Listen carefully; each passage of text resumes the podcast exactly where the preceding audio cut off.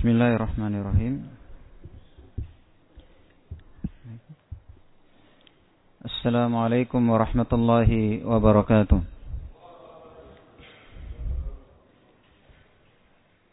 Alhamdulillahi Alladhi nazzal al-furqana ala abdih عبده ليكون للعالمين Ahmaduhu ta'ala wa ashkuruh جعل القرآن تبيانا لكل شيء وهدى ورحمة وبشرى للمسلمين. أشهد أن لا إله إلا الله وحده لا شريك له. أنزل كتابه هداية للعالمين ورحمة للمؤمنين وشفاء لما في صدور الناس أجمعين. وأشهد أن محمدا عبده ورسوله. الذي كان خلقه القرآن. يحل حلاله ويحرم حرامه ويعمل بمحكمه ويؤمن بمتشابه. صلى الله عليه وعلى آله وصحبه الذين ساروا على نهجه واكتفوا أثره وتمسكوا بهديه فعزوا وسادوا وملكوا وقادوا ومن تبع هديهم ولزم سنتهم إلى يوم الدين. Kaum muslimin dan muslimat, Bapak Ibu, saudara-saudari yang sama berbahagia. Alhamdulillah di malam hari ini Allah Subhanahu wa taala mempertemukan kita di tempat yang mulia di rumah dari rumah Allah mempertemukan kita dalam acara yang mulia yaitu saling mengingatkan akan agama Allah Subhanahu wa taala. Salawat dan salam kita haturkan untuk Nabi kita Muhammad sallallahu alaihi wasallam kepada keluarga beliau, para sahabat beliau, para tabi'in, tabi'ut tabi'in serta orang-orang yang mengikuti mereka dengan baik. Adapun tema yang kami angkat di malam hari ini adalah ahammiyatul ikhlas, urgensi keikhlasan. Allah Subhanahu wa taala menciptakan makhluk dan Allah mengutus para rasul. Allah menurunkan kitab-kitab dengan tujuan agar mengikhlaskan ibadah hanya kepada Allah Subhanahu wa taala.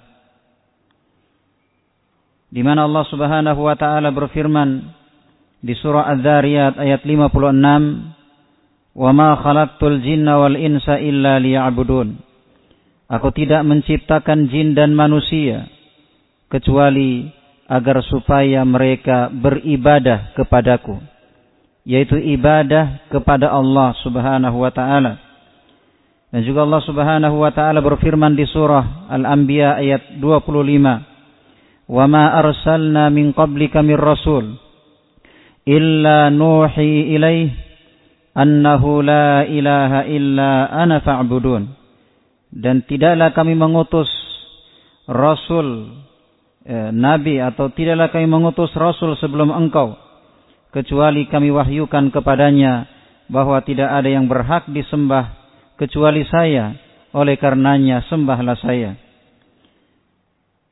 Dari ayat dari dua ayat ini jelas bahwasanya Allah Subhanahu wa taala menciptakan kita dan menurunkan kitab-kitab kepada kita, mengutus rasul-rasulnya agar kita sebagai manusia mengikhlaskan, memurnikan, menjadikan ibadah hanya kepada Allah Subhanahu wa taala. Di mana ibadah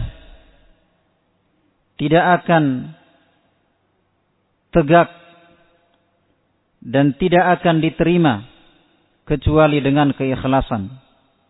Allah Subhanahu wa taala berfirman di surah Al-Bayyinah ayat 5, "Wa ma umiru illa liya'budullaha mukhlishina lahuddin." Dan tidaklah mereka diperintah kecuali agar beribadah kepada Allah mukhlisina lahuddin dengan mengikhlaskan agama, mengikhlaskan ibadah hanya kepadanya.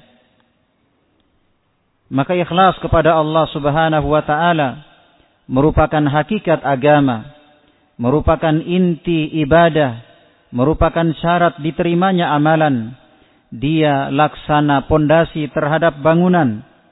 Dia laksana ruh terhadap jasad. Maka tidak ada ibadah tidak ada penghambaan tanpa keikhlasan. Allah Subhanahu wa taala mengkhabarkan akan amalan orang-orang kafir. Orang-orang kafir mereka adalah orang yang tidak ikhlas dalam beramal karena lawan dari keikhlasan yaitu kekafiran, kesyirikan, kemunafikan. Ini merupakan lawan dari keikhlasan. Allah Subhanahu wa taala menyebutkan tentang amalan orang-orang kafir. Amalan orang-orang yang tidak ikhlas dalam amalannya disebutkan di surah Al-Furqan ayat 23. Wa qadimna ila ma amilu min amal faja'alnahu haba'an manthura. Kami hadapi apa yang mereka telah amalkan dan kami jadikan amalannya bagaikan debu yang berterbangan. Artinya tidak diterima oleh Allah Subhanahu wa taala. Coba lihat bagaimana kisah Abu Talib, paman yang paling dicintai oleh Nabi kita Muhammad sallallahu alaihi wasallam, di mana Nabi kita belum lahir ke dunia, meninggal ayahnya, belum beberapa bulan meninggal ibunya, kemudian dipelihara oleh kakeknya Abdul Muttalib, belum begitu lama meninggal kakeknya, lantas dipelihara oleh pamannya yaitu Abu Talib. Maka Abu Talib yang memelihara Nabi kita Muhammad dari kecil hingga besar, hingga menjadi seorang Nabi dan Rasul. Abu Talib yang menjadi tameng penghalang dari gangguan orang-orang Quraisy, dari ancaman orang-orang Quraisy.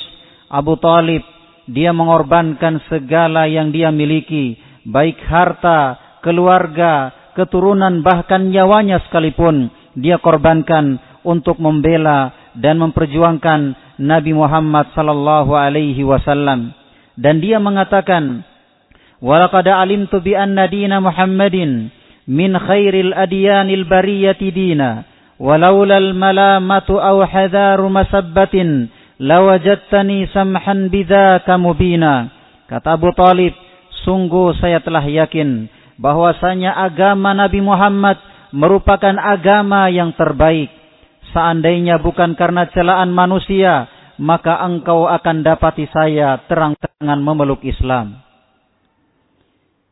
Coba lihat ketika Abu Talib meninggal. Di saat-saat sakaratul maut maka Nabi sallallahu alaihi wasallam mentalkin pamannya dengan kalimat la ilaha illallah.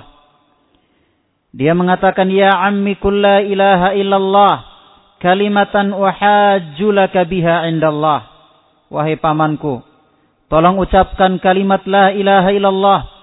Kalau engkau mengucapkan kalimat ini, maka ini merupakan kalimat yang saya akan bela engkau di hadapan Allah.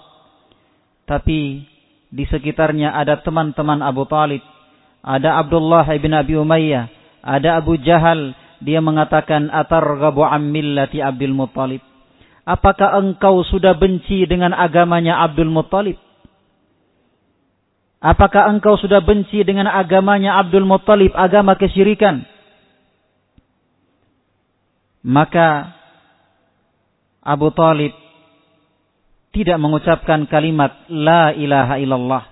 Nabi pun ulangi, Ya ammi la ilaha illallah. Wahai paman tolong ucapkan kalimat La ilaha illallah. Kalimat yang kalau engkau ucapkan saya akan bela engkau di hadapan Allah. Tapi teman-temannya ulang lagi, apakah engkau sudah benci dengan agamanya Abdul Muttalib?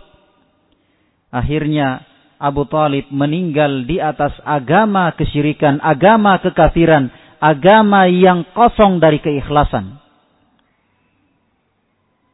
Akhirnya setelah meninggal Nabi Shallallahu Alaihi Wasallam sadar bahwasanya pamannya termasuk ashabul jahim, penduduk neraka jahanam.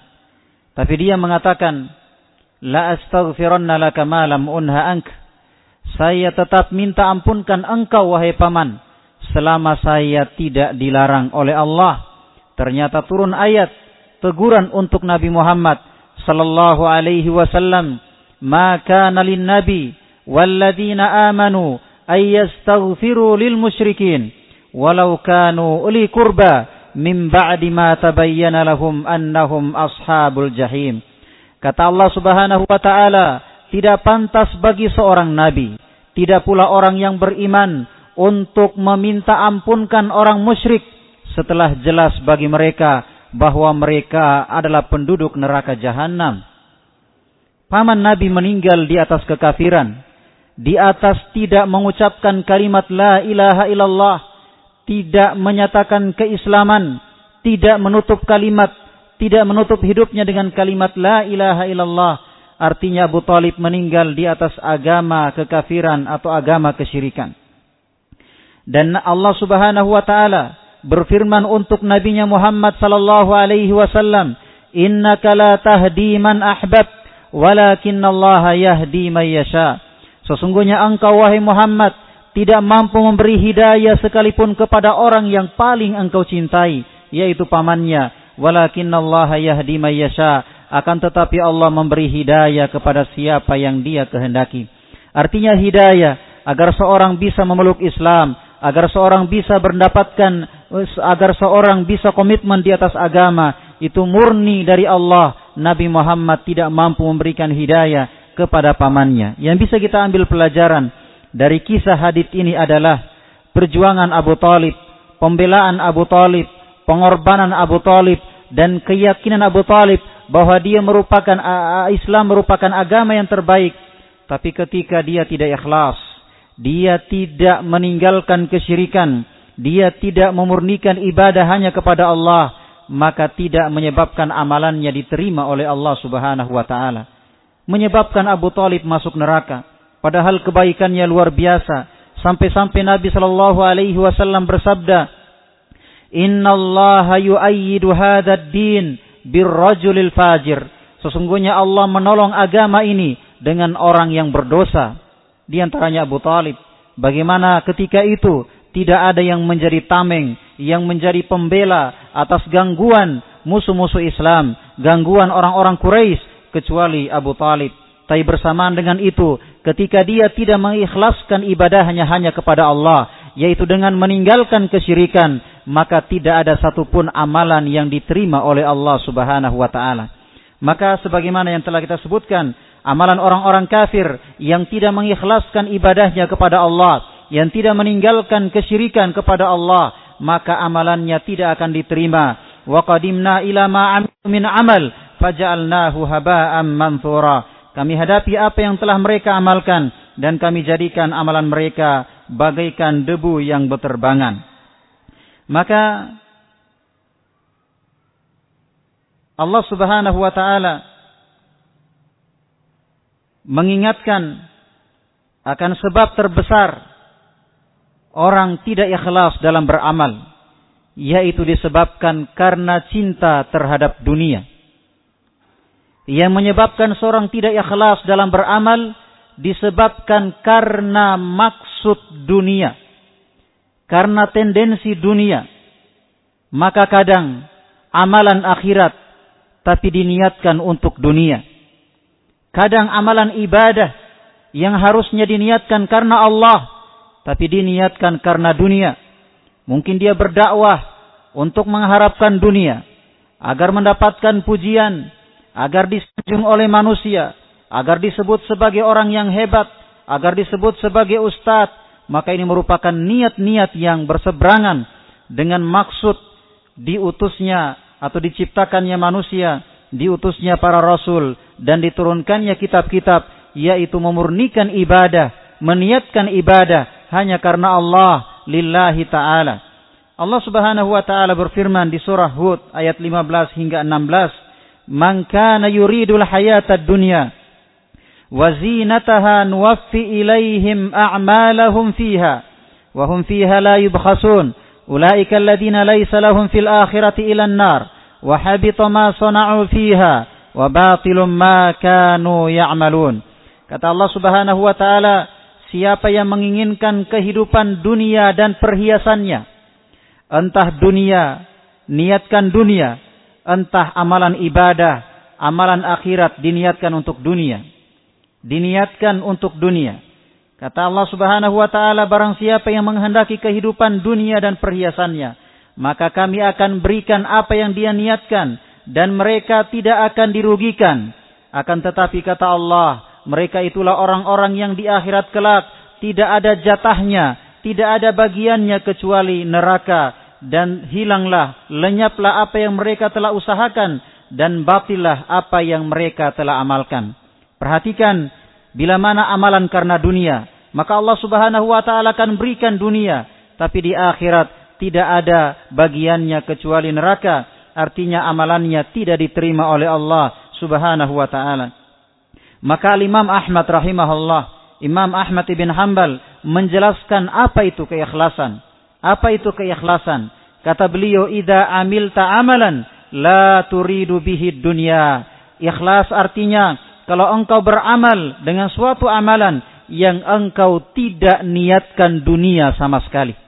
Orang yang ikhlas artinya dia niatkan amalannya lillah.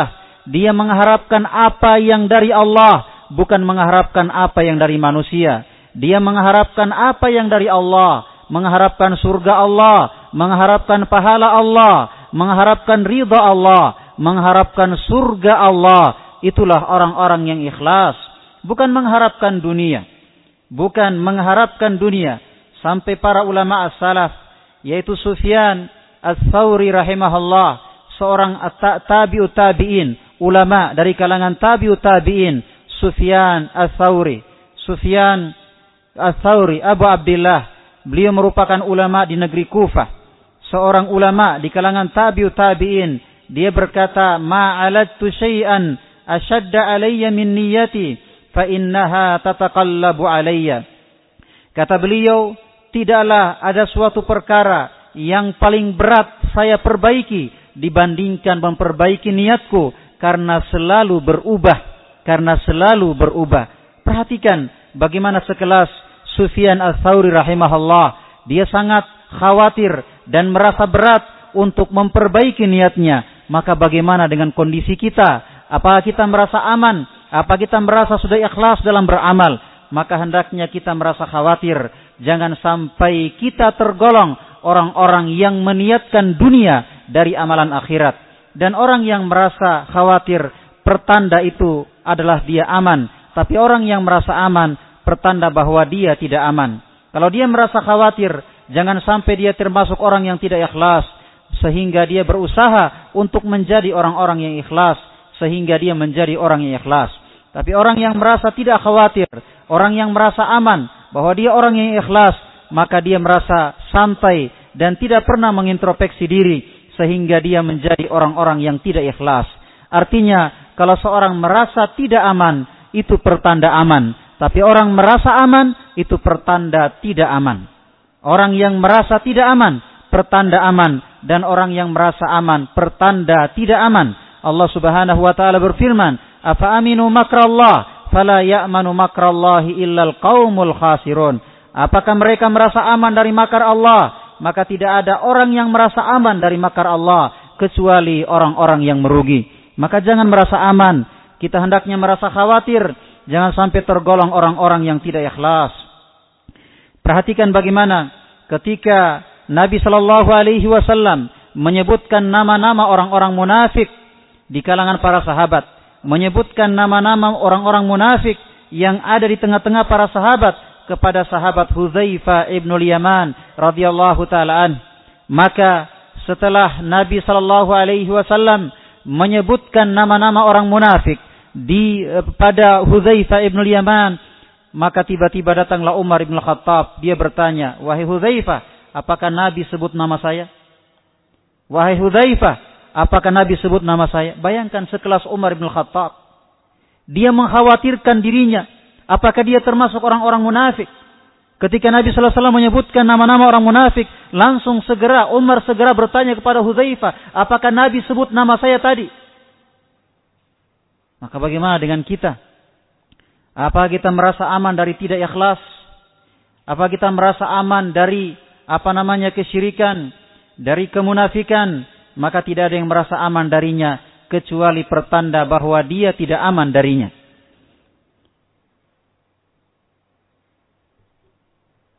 Sesungguhnya Allah Subhanahu wa taala tidak perlu dengan kesyirikan. Yang Allah perlukan yaitu kemurnian ibadah ketulusan ibadah hanya kepada Allah. Artinya yang namanya ibadah itu harus kepada Allah dan harus karena Allah. Bila mana kepada Allah dan juga kepada selain Allah, maka Allah tidak akan terima sama sekali. Itulah yang disebut dengan tidak ikhlas. Seperti doa misalnya. Doa merupakan ibadah. Sembelihan misalnya Sembelihan merupakan ibadah. Nazar misalnya, nazar merupakan ibadah. Tawaf merupakan ibadah. Khusyuk merupakan ibadah. Tapi kita lihat sebagian kaum muslimin, mereka berdoa kepada penghuni kubur. Mereka tawaf di selain Ka'bah. Mereka menyembelih untuk jin. Padahal mereka sering membaca firman Allah, Iyaka na'budu. Hanya kepadamu kami beribadah. Hanya kepadamu kami beribadah. Bukankah doa merupakan ibadah? Bukankah sembelihan merupakan ibadah? Bukankah tawaf merupakan ibadah? Bukankah nazar merupakan ibadah? Yang Allah subhanahu wa ta'ala perintahkan. Sebagaimana yang telah kita bacakan. Wa ma khalaqtul jinna wal insa illa liya'budun. Aku tidak menciptakan jin dan manusia. Kecuali agar supaya mereka beribadah kepadaku. Perhatikan kata kepadaku. Allah perintahkan kita Allah ciptakan kita dengan satu maksud yaitu menjadi hamba Allah, menjadi orang-orang yang beribadah hanya kepada Allah. Itulah yang dimaksud dengan keikhlasan. Tapi ketika beribadah kepada Allah, tapi juga kepada selain Allah, itulah yang disebut dengan kesyirikan, artinya berserikat, artinya bercabang, artinya tidak ikhlas. Karena ketika seorang ikhlas, itu artinya murni hanya kepada Allah Subhanahu wa taala. Ketika dia tidak ikhlas, itulah yang disebut dengan kesyirikan atau bercabang dalam ibadah.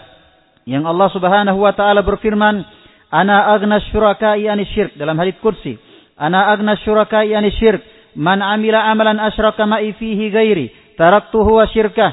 Saya tidak perlu dengan kesyirikan maka siapa yang mengamalkan suatu amalan yang dia persekutukan saya dengan selain Allah, maka saya tinggalkan kesyirikannya dan saya tinggalkan amalannya.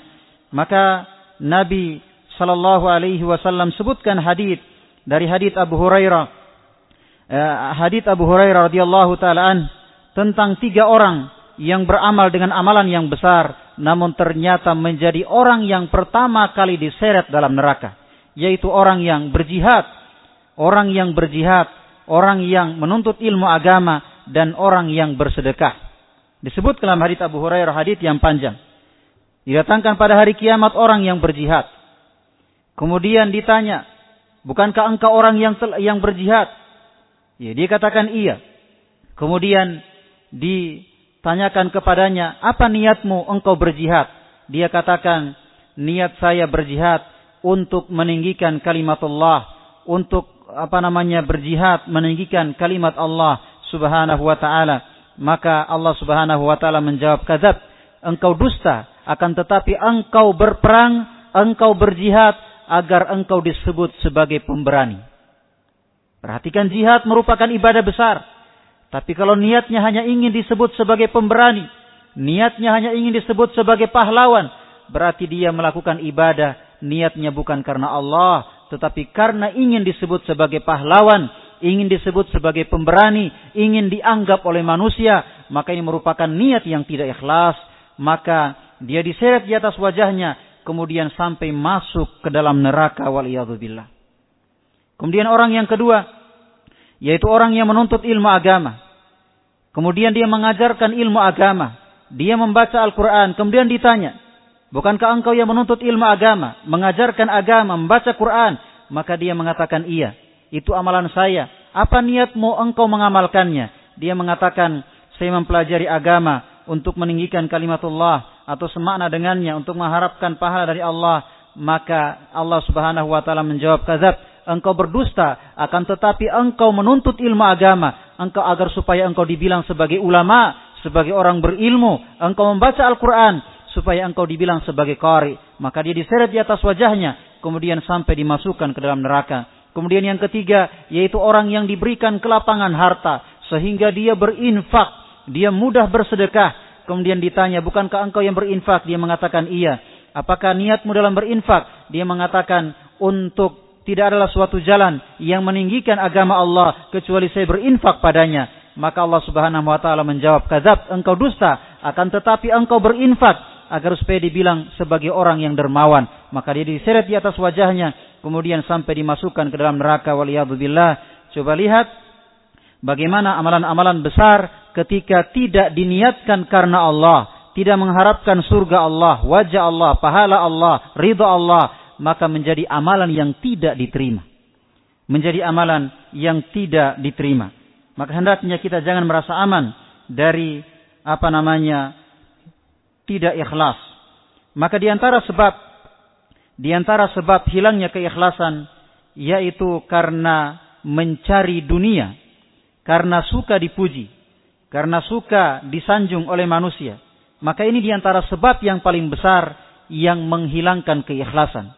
Kalau cinta dunia, cinta pujian, cinta sanjungan, cinta dianggap, memperhatikan kata manusia, takut dengan celaan manusia, maka inilah yang inilah yang menjadi sebab sebab terbesar hilangnya keikhlasan.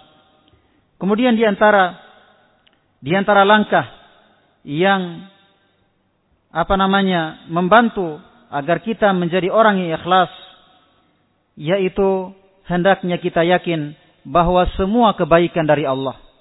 Kenapa kita mengharapkan apa yang dari manusia? Sementara apa yang dari manusia dari siapa? Dari Allah Subhanahu wa taala. Apanya kita harapkan dari manusia? Kita niatkan untuk manusia. Sementara apa yang ada pada manusia? Itu semua dari siapa? Dari Allah Subhanahu wa taala.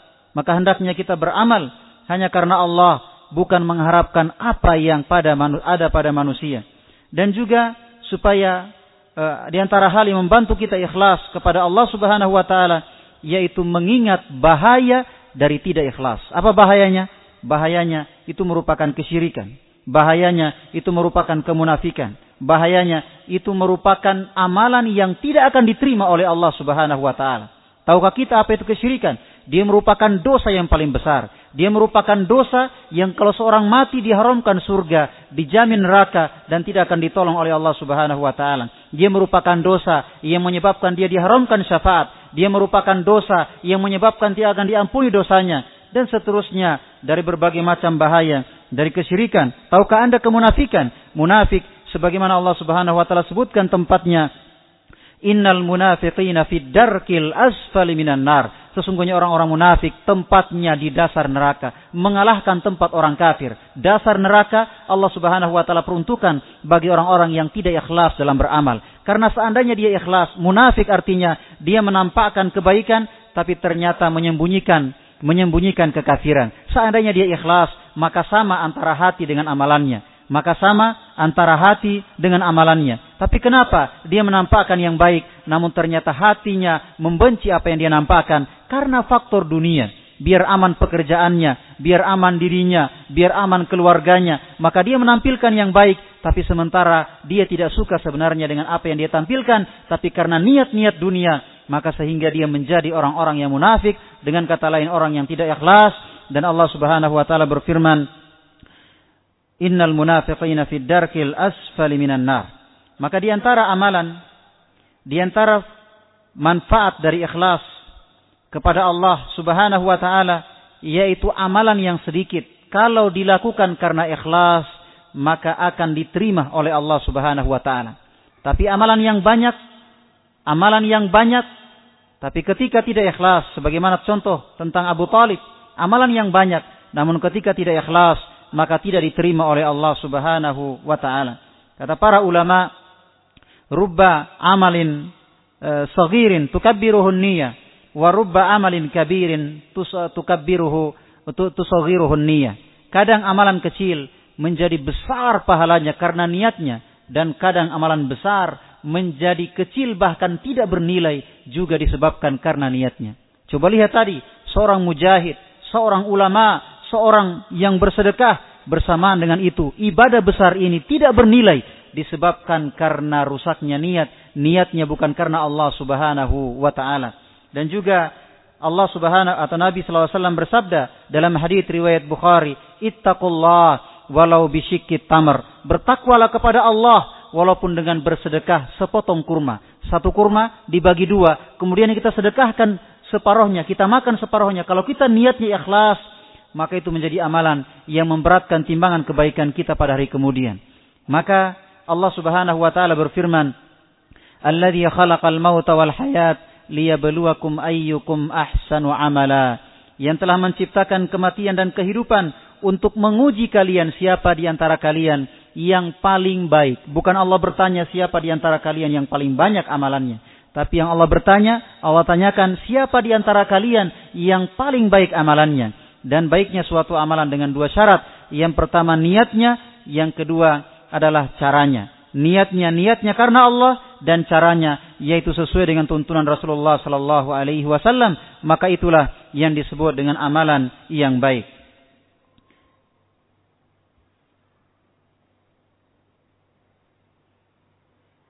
Oleh karena itu, berangkat dari sini, hendaknya kita beramal semata-mata niat karena Allah Subhanahu wa taala tidak mengharapkan dunia.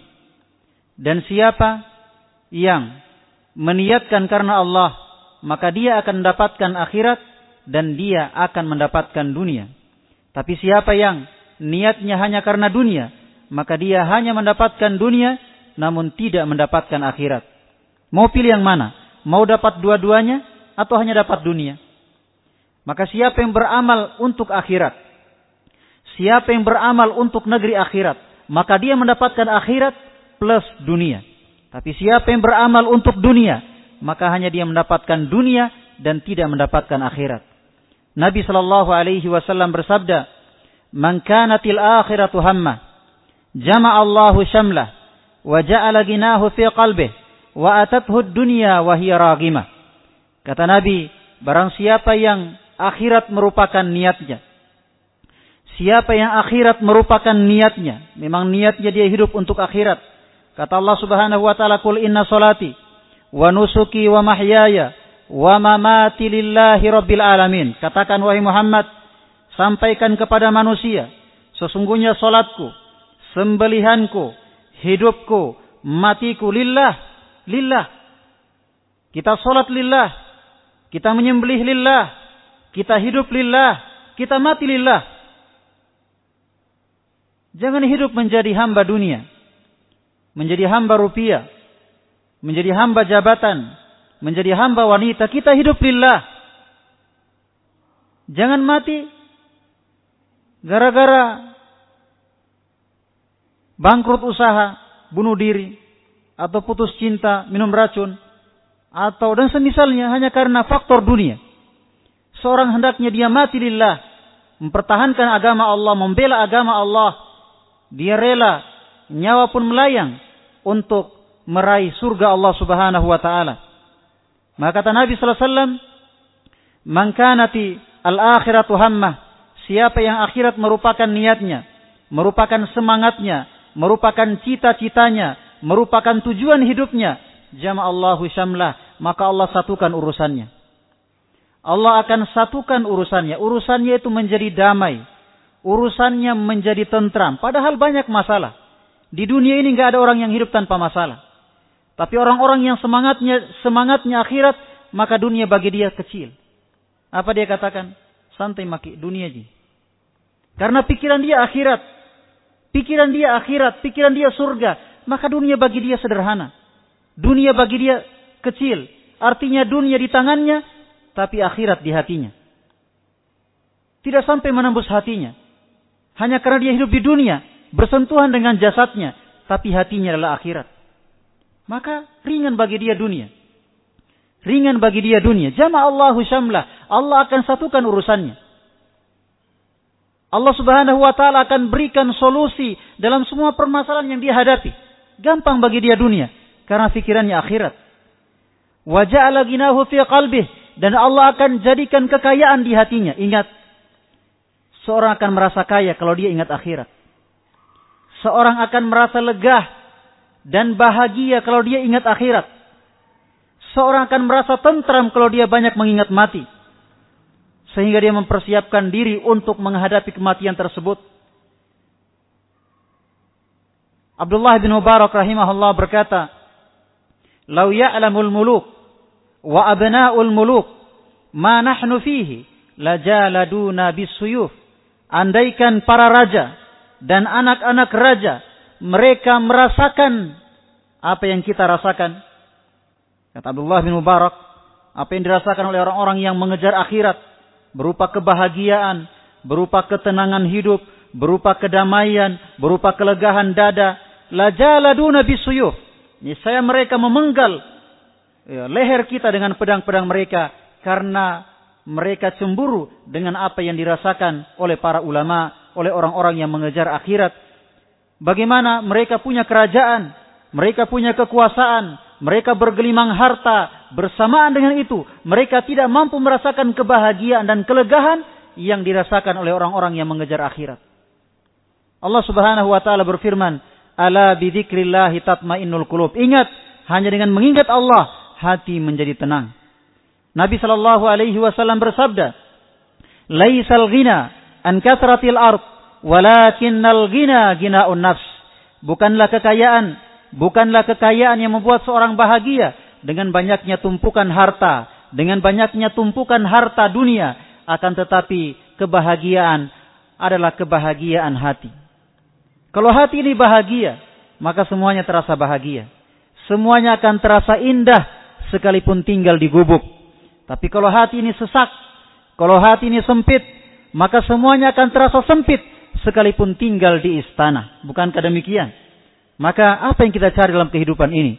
Apa yang kita inginkan dalam hidup ini? Tentunya setiap orang, setiap orang pasti mencari kebahagiaan. Ini merupakan dambaan setiap orang sekalipun dia miskin ataupun kaya, dia rakyat maupun pejabat, siapa pun dia, pasti dia menginginkan kebahagiaan, namun ternyata tidak akan didapatkan kebahagiaan yang hakiki kecuali hanya dengan kembali kepada Allah, mempersiapkan untuk negeri akhirat, kembali kepada agama. Dan kata Nabi sallallahu alaihi wasallam, wa atathud dunya wa hiya Dan Allah datangkan dunia dalam keadaan terdesak. Allah paksa dunia. Allah paksa dunia harus datang kepada orang-orang yang mengejar akhirat. Ini yang menjadi contoh pembahasan kita. Allah paksa dunia untuk datang kepada orang yang mengejar akhirat. Oleh karena itu, siapa yang beramal untuk akhirat, maka dia mendapatkan akhirat dan juga mendapatkan dunia. Tapi siapa yang beramal untuk dunia, dia hanya mendapatkan dunia, tapi tidak mendapatkan akhirat. Maka siapa yang beramal untuk akhirat, maka Allah Subhanahu wa taala akan mudahkan dunia. Allah akan paksa dunia untuk datang kepada mereka. Untuk datang kepada mereka.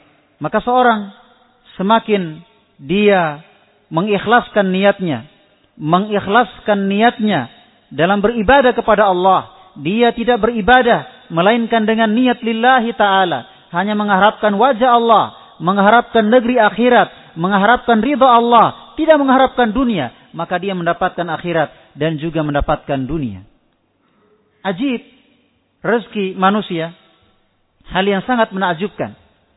Kadang seorang sudah difonis misalnya oleh dokter, ya tinggal lima hari kamu hidup, melihat penyakit yang kronis. Namun ternyata sebelum lima hari dokternya lebih dahulu meninggal atau mati. Karena kematian itu merupakan rahasia Allah sebagaimana rezeki rahasia Allah. Seorang tidak bisa memprediksi sekian, sekian, sekian. Sebagaimana seorang tidak bisa memprediksi matinya kapan, kapan, dan kapan. Disebutkan dalam uh, sejarah ya kisah seorang yang jatuh dalam sumur ya kemudian diselamatkan dan diberi minuman ya segelas susu. Kemudian ditanya bagaimana sebab engkau mas engkau terjatuh dalam sumur. Kemudian dia katakan eh, saya tadi mendekat ke sumur, kemudian saya melihat ke bawah sehingga saya terjatuh. Akhirnya ketika dia memperagakan, maka dia terjatuh dalam sumur, kemudian mati. Jatuh yang pertama, nggak ada orang. Jatuh yang kedua, ada orang. Yang pertama dia nggak mati. Yang kedua malah dia mati. Kenapa? Karena masih tersisa rezekinya segelas susu. Masih tersisa rezekinya segelas susu. Artinya antara umur atau ajal dengan rezeki itu sejalan, satu paket. Tidak akan mungkin umurnya habis, rezekinya masih tersisa. Tidak akan mungkin rezekinya habis, umurnya masih ada. Tidak akan mungkin. Maka seorang ketika dia mengejar akhirat, maka Allah Subhanahu wa taala akan memberikan akhirat dan akan memberikan dunia. Sebaliknya, kata Nabi sallallahu alaihi wasallam, "Wa man kanati wa man kanati dunya hammah, farraqallahu amrah wa ja'ala al-faqra baina 'ainaihi wa ma utiya minad dunya illa ma kutibalah."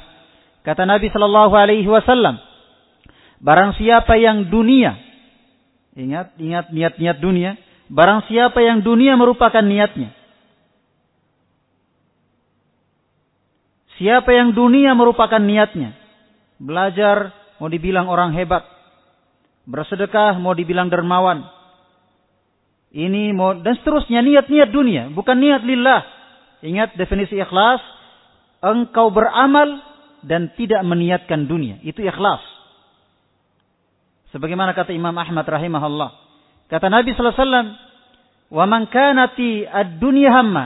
Siapa yang dunia merupakan niatnya, merupakan semangatnya, merupakan tujuan hidupnya, farrakallahu amrah, maka Allah akan cerai beraikan urusannya.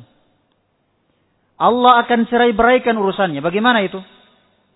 Kalau orang pikirannya dunia, pasti kecil baginya akhirat. Besar dunia baginya. Maka tergores motornya sedikit, itu jadi perkara besar. Tergores sedikit. Jadi perkara besar. Tapi kalau orang yang mengejar akhirat, santai lagi. Motor ji. Biar hilang lagi motor gampang gitu. Tapi kalau orang yang mengejar dunia, orang yang mengejar dunia, itu urusan dunia besar bagi dia. Hanya plat mobil saja, itu harus DD1. Jadi urusan penting bagi dia. Padahal dunia, Ji. Padahal dunia. Tapi itu jadi yang membuat stres bagi dia. Farakallahu amra. Allah akan cerai beraikan urusannya. Suami sibuk dengan perusahaan, dengan proyek. Istri sibuk dengan shopping. Anak-anak sibuk dengan narkoba. Gak ada yang damai. Sampai di rumah sibuk. Istri sibuk. Anak-anak sibuk. Gak ada yang damai. Tapi coba seorang mengingat akhirat. Istri Masya Allah mengawali paginya dengan membaca Al-Quran. Suami Masya Allah membangunkan istrinya untuk ibadah. Anak-anak Masya Allah terbiasa membaca Al-Quran. Anak-anak berbakti kepada orang tuanya. Menghormati orang tuanya. Masya Allah keindahan. Kedamaian. Dan tidak ada yang bisa merasakan. Kecuali pernah merasakan pahitnya mengejar dunia. Kenapa? Rumus dunia. Ini bukan Roma ya, aku tahu rumus dunia. Tapi ingat bahwa rumus dunia dia adalah Ketika seorang mengejar dunia, itu artinya mengejar sesuatu yang pasti akan pergi. Adapun akhirat, mengejar sesuatu yang pasti akan datang. Kalau kita mengejar akhirat, kita akan mengejar sesuatu yang akan datang, yang pasti kita jumpai. Dan ketika kita dapat, maka itulah milik kita selamanya. Tapi kalau dunia, itu artinya kita mengejar dan mempertahankan sesuatu yang pasti kita akan tinggalkan. Cuma dua kemungkinan. Mungkin dahulu kita yang meninggalkannya, atau mungkin harta kita yang dahulu pergi meninggalkan kita. Cuma dua kemungkinan. Bagaimana enggak stres? Kata Nabi SAW, Waja'al al-faqra baina ainaih. Dan Allah subhanahu wa ta'ala akan jadikan kefakiran, akan jadikan kemiskinan di hadapannya, di depan matanya. Tidak pernah merasa kaya. Padahal, Masya Allah, rumah besar. Mobil ada. Gaji banyak. Tapi dia merasa tidak pernah kaya. Makanya kalau kita lihat, para pengejar dunia, orang-orang yang suka korupsi, itu bukan karena nggak ada uangnya. Bukan karena sedikit gajinya. Tapi karena rasa miskin yang tidak pernah hilang dari dadanya. Tidak terasa gaji yang besar, uang yang banyak, tumpukan harta. Harus mau tambah lagi dengan cara yang salah. Setelah berhasil sekali, mau lebih besar lagi. Karena apa? Karena nggak ada kekayaan di hati. Hati ini akan kaya dengan tiga sebab. Yang pertama, ketika mendapatkan nikmat kita syukuri. Akan terasa nikmat itu nikmat. Yang kedua, ketika mendapatkan musibah kita bersabar. Kita yakin bahwasanya ini semua takdir Allah. Sekalipun kita menangis, sekalipun kita mengamuk, tidak akan merubah keadaan. Karena ini takdir Allah Subhanahu wa taala yang harusnya kita bersabar. Yang ketiga, kalau kita terjerumus dalam dosa, maka segera istighfar dan bertobat karena tidak ada satupun manusia yang lepas dari dosa. Maka ini merupakan tanda kebahagiaan. Syukuri nikmat yang ada. Sabar di kala musibah melanda dan segera istighfar dan bertobat dikala terjerumus dalam dosa dan kemaksiatan wa ma utiya minad dunya illa ma kutibalah. Kata Nabi, padahal tidak diberikan dari dunia kecuali apa yang telah ditakdirkan untukmu. Artinya, azan tetap buka toko. Buka toko 24 jam. Sekalipun dia mencari dunia 24 jam, maka dia tidak akan melebihi dari apa yang telah ditakdirkan untukmu. Tapi kalau azan tutup toko, ah, sholat dulu, tidak akan mengurangi rezekinya dari apa yang telah ditakdirkan. Maka perhatikan keikhlasan. Keikhlasan merupakan hal yang sangat bermanfaat dalam kehidupan seseorang. Di antaranya adalah seorang agar uh, di antara manfaat keikhlasan disebutkan dalam banyak hadis. Di antaranya hadis uh, Mus'ab ibn Sa'ad Kata Nabi SAW, Hal tunsaruna wa turzakuna illa bidu'afaikum. Bahwa kalian ditolong dan kalian diberi rezeki dengan orang-orang lemah di antara kalian. Di hadits lain Nabi SAW tafsir uh, jelaskan, yang surullahu hadhil ummah bida'ifiha bida'watihim wa salatihim wa ikhlasihim. Allah Subhanahu wa taala menolong umat ini dengan orang-orang lemah di antara mereka. Dengan apanya orang-orang lemah? Dengan doa mereka, dengan solat mereka, dan dengan keikhlasan mereka. Berarti kita mendapatkan rezeki, mendapatkan pertolongan, mendapatkan apa namanya pertolongan, rezeki dan apa namanya kebaikan itu berkat doanya orang-orang lemah, solat orang-orang lemah dan keikhlasannya orang-orang yang lemah. Maka mudah-mudahan apa yang kita dengarkan pada kesempatan malam hari ini bermanfaat bagi kita semua. Semoga Allah Subhanahu wa taala menjadikan kita orang-orang yang ikhlas dalam beramal dan menjauhkan dari kita dari niat karena dunia dan semoga Allah Subhanahu wa taala menerima amal ibadah kita besar maupun kecilnya dan semoga Allah Subhanahu wa taala senantiasa menguatkan kita di atas agamanya, memberikan keistiqomahan di atas agamanya dan mewafatkan kita di atas agama. Dan semoga Allah Subhanahu wa taala senantiasa mengumpulkan kita, mempertemukan kita dalam pertemuan yang baik seperti apa yang kita rasakan pada saat ini. Dan semoga Allah mengumpulkan kita semua nantinya di sorganya di sorga Firdaus yang merupakan cita-cita uh, kita semua mohon maaf atas segala kekurangan. Subhanakallahumma wa bihamdik sudah la ilaha illa anta astaghfiruka wa atubu wassalamualaikum warahmatullahi wabarakatuh